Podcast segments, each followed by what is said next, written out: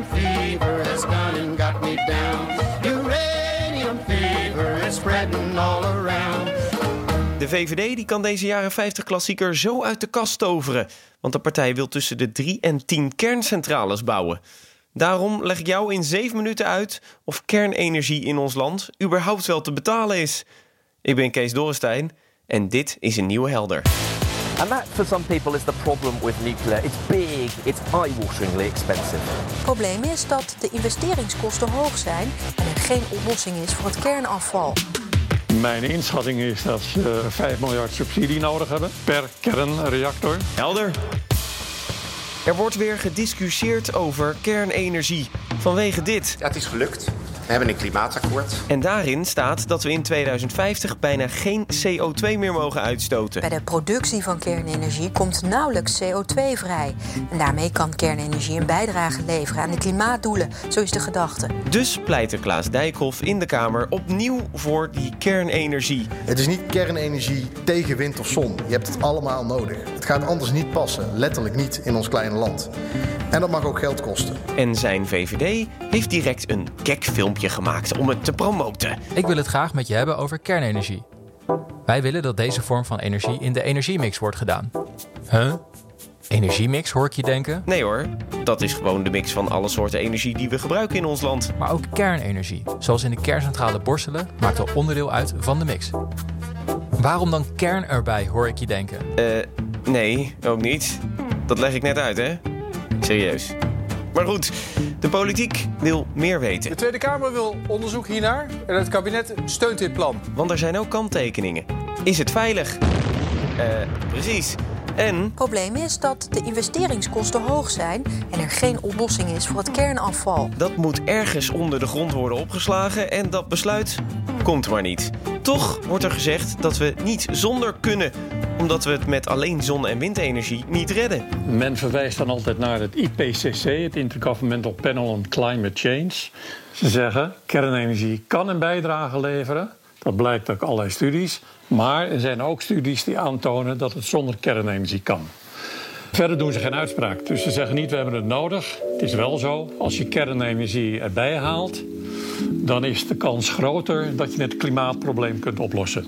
Je hoort hier Wim Turkenburg, emeritus hoogleraar wetenschap, technologie en samenleving aan de Universiteit Utrecht en kernenergiedeskundige. Ik ben het wel eens met de stelling van de VVD dat je het met alleen zon en wind in Nederland niet redt. Toch heeft er geen enkele energiemaatschappij de afgelopen decennia aangeklopt bij de overheid om zo'n kerncentrale te bouwen. Belangrijke reden? De kosten. Een nieuwe centrale zou gemiddeld al gauw 10 miljard euro kosten en waarschijnlijk meer. Daarbij moeten ze de afbraakkosten ook direct even lappen. Dan moet je toch denken aan eh, anderhalf tot 2 miljard eh, euro. Wat je dan tenminste, en misschien nog wel 3, 3 miljard euro...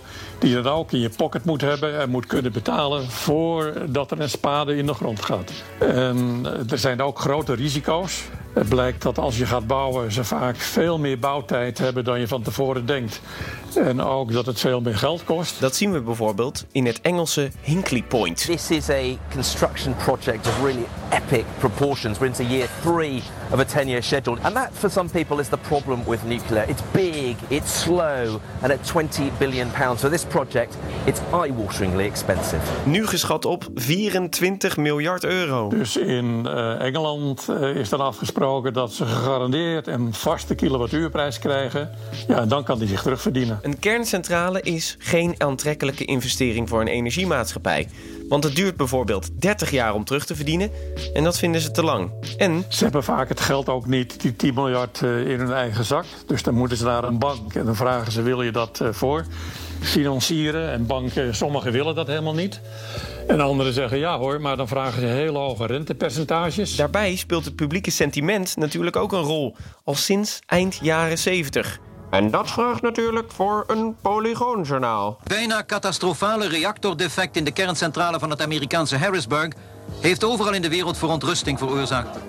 In ons land manifesteerde die zich onder andere in een demonstratie bij de kerncentrale in het Zeeuwse Borselen. Wat er in eh, Harrisburg is gebeurd, dat, eh, dat kan niet. Hè? Dat er eh, 50, 60.000 mensen eh, op het eh, punt stonden om, eh, om eh, zachtjes te gaan eh, krimperen. Ja, Want wie wil er nou zachtjes krimperen, hè? Als dat al zachtjes kan.